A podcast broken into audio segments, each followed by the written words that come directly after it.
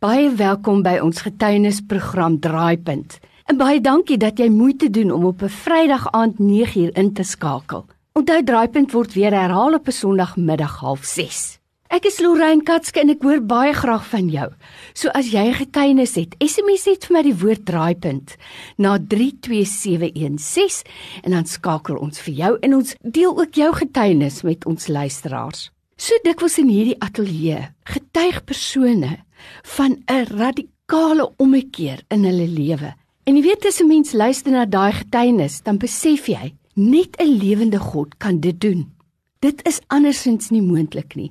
Nou my gas in die ateljee vandag is Ian Oliver en hy is hier om sy getuienis met ons te deel. So Ian, ek wil net vir jou sê dankie. Jy het baie moeite gedoen om in te kom na die ateljee toe.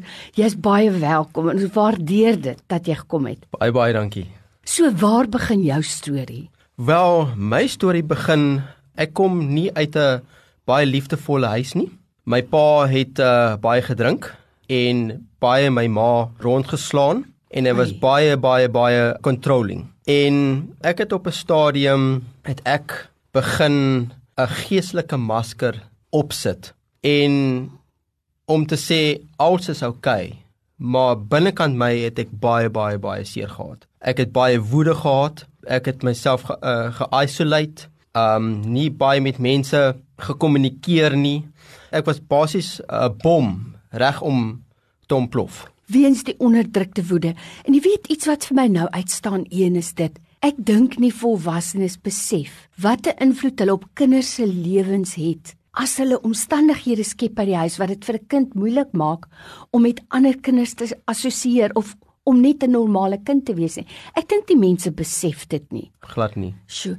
Een, hoe het jou lewe geloop van daardie af? Wel, die Here het eendag toe wys die Here vir my 'n 'n ketel wat besig is om te borrel. En toe sê die Here vir my, jy is daai ketel. Sjoe. En van daar af het die Here vir my regtig vir vrygemaak van woede, van daai geestelike masker en die Here het regtig vir vir my vrygemaak van isolation. Die manier hoe die Here vir my vrygemaak het van isolation is, hy het mense op my pad gestuur wat op straat is. Toe kon ek met hulle bietjie bedien en kommunikeer en dis hoe die Here vir my vrygemaak het van al hierdie al hierdie goed. By my in die ateljee vandag is een Oliver en hy het 'n kragtige getuienis wat net weer vir ons bevestig. Jy is nie die slotsom van die omstandighede waarin jy gebore is nie. Wat belangrik is is nie jou beginpunt nie, maar jou eindpunt. Nou een as jy vandag met mense op straat kommunikeer, jy verstaan immers 'n deel van die vereensaming wat hulle moet voel om uitgewerk te wees om nie in te pas nie. Wat sien jy op straat? Wat is die nood waar jy vandaan kom? Skets ons die prentjie. Wel, vir my is Jesus. Jesus is die antwoord en ek weet daar's baie mense op straat wat wat, wat nie 'n pa figuur in hulle lewens het nie. En net om terug te kom na my pa toe, hy was baie depressief en hy het nie regtig 'n pa figuur in my lewe en my broer se lewe gewees nie. En ek wil net vir mense wat daar buite kant is wat eensaam is en hartseer is, my antwoord vir julle is Jesus. Hy is 'n pa van liefde. Hy is lief vir jou en hy gee om vir jou en hy wil en hy wil alles in julle lewens bereik en hy wil regtig vir julle aanraak. Nou een 'n baie belangrike punt wat jy ophaal is dat jou pa self ook nou nie daai vaderfiguur gehad het nie. En jy weet daar's 'n gesegde wat sê hurt people hurt people. Mense wat seer gemaak is, maak ander mense seer. Nou jy wat nou toe uiteindelik by die waarheid uitgekom het wat die regte pa ontmoet het. Watter pad van vergifnis loop 'n mens dan? Het jy meer simpatie en empatie met jou pa gehad? Hoe dit vir jou uitgespeel? Wel om te sê my pa was daar, maar pa was ook nie daar nie. Mm. Hy het nie gesê kom ek spandeer saam met saam met jou as my kind nie. En hy het ingekom by die huis gekom, hy het baie gedrink, hy het in sy kamer ook ge-isolate en hy het glad nie vir ons liefde uh, soos 'n pa liefde moet gee vir ons gegee nie. Jy weet een baie mense sê as groot volwasse persone en dan krimp my hart in mekaar as hulle sê ek is vandag 'n man van 40, 50, 60 of wat ook al.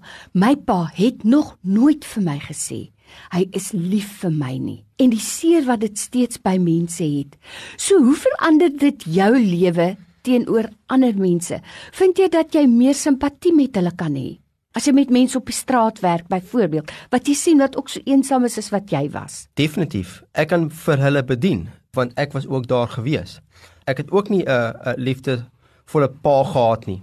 En ek kan net vir daai mense vandag sê dat die Here het vir my genees van daai seer en as die Here vir my kon genees, kan die Here vir julle genees. O, ware woorde. Een Oliver is my gas in die ateljee vandag. Nou een, jy praat van jou bediening wat jy het. Is dit in Pretoria, Johannesburg? My bediening het in Pretoria begin. Ek het 'n travelling bediening waar ek in Afrika lande ingaan en hier in Suid-Afrika. So ek het 'n travelling bediening. Mm. Ek is die visiedraer van daai bediening. En die Here maak verskriklik baie deure vir my oop. Vertel ons 'n bietjie van jou bediening want dit klink vir my so God sent in jou lewe spesifiek. Vertel ons van jou bediening en as mense meer wil weet daarvan, waar kan hulle meer lees? Die Here het vir my in 2006, toe sê die Here vir my ek moet Pretoria toe kom en die bediening begin. 2 jaar later, toe maak die Here vir my die deure oop in Pretoria en van daar af het die Here net vir my 'n visie gegee van vat my woord Afrika toe. Oh, wow. En ek het op R200 het ek begin die bediening. En die Here het regtig vir my baie baie deure oopgemaak. Ek was al in Zimbabwe, ek was al in Kongo, Zambia, Uganda, uh Mosambiek en hier ook in in, in Suid-Afrika travel ek baie ook en en ek bedien. Dis een Oliver by my in die ateljee vandag. Ten slotte wil ek graag vir jou vra een. Jy weet daar's mense wat nou na ons luister wat sê, "Maar dis my verhaal daai. Ek was ook as 'n kind geïsoleer oor my huislike omstandighede." En vandag sukkel ek om 'n goeie pa of 'n goeie ma te wees.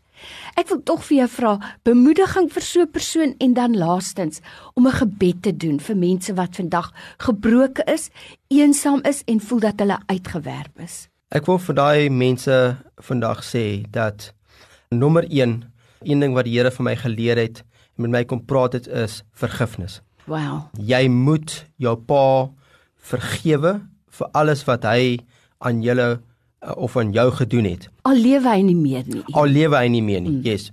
My pa het selfmoord gepleeg in 2004 en ek het hom eers na die tyd het ek hom eers vrygespreek en vergewe. So ek wil nie hê dat julle moet wag tot tot iets gebeur met jou ouers voordat julle kan vergewe. Julle moet soos in vandag hulle kan vry kan spreek en vergewe. Want met 'n wortel van bitterheid kan jy self nie groei nie. Jy weet, dis vir my so asof so 'n wortel van bitterheid sy takke oor jou hele lewe uitsprei. So as jy hom nie uithaal met wortel en tak nie, dan gaan jy sukkel om die goeie saad in jou te laat groei. So waar. Ten slotte een 'n gebed asseblief en dan as jy nie omgee nie en mense as jy sal toelaat dat mense jou kan kontak en miskien dat jy vir hulle bid of bemoedig, dan sal ek bly wees as jy vir ons jou kontakbesonderhede gee. Dis reg, my kontakbesonderhede is 082 470 5460. Ek herhaal 082 470 5460. Hemelse Vader, ek dankie vir hierdie geleentheid. Vader, ek bid vir elke persoon hier buite wat seer het, wat haat het, wat uh, stikkend is. Vader, ek vra Here dat U sal kom deur die Gees Vader en hulle kom sal aanraak en hulle kom genees. Soos U vir my kom genees het, ja. Vader, ek vra dat U sal kom met U Gees en hulle kom genees en herstel in Jesus naam. Amen. En daarop sê ons almal amen. Een baie dankie vir jou wat luister. Ek hoop jy is vandag bemoedig en dat jy net besef, jy het 'n pa. Jy het God die Vader en sy seun Jesus Christus en die Heilige Gees wat altyd met jou is. Ek groet vir jou tot volgende week. Totsiens.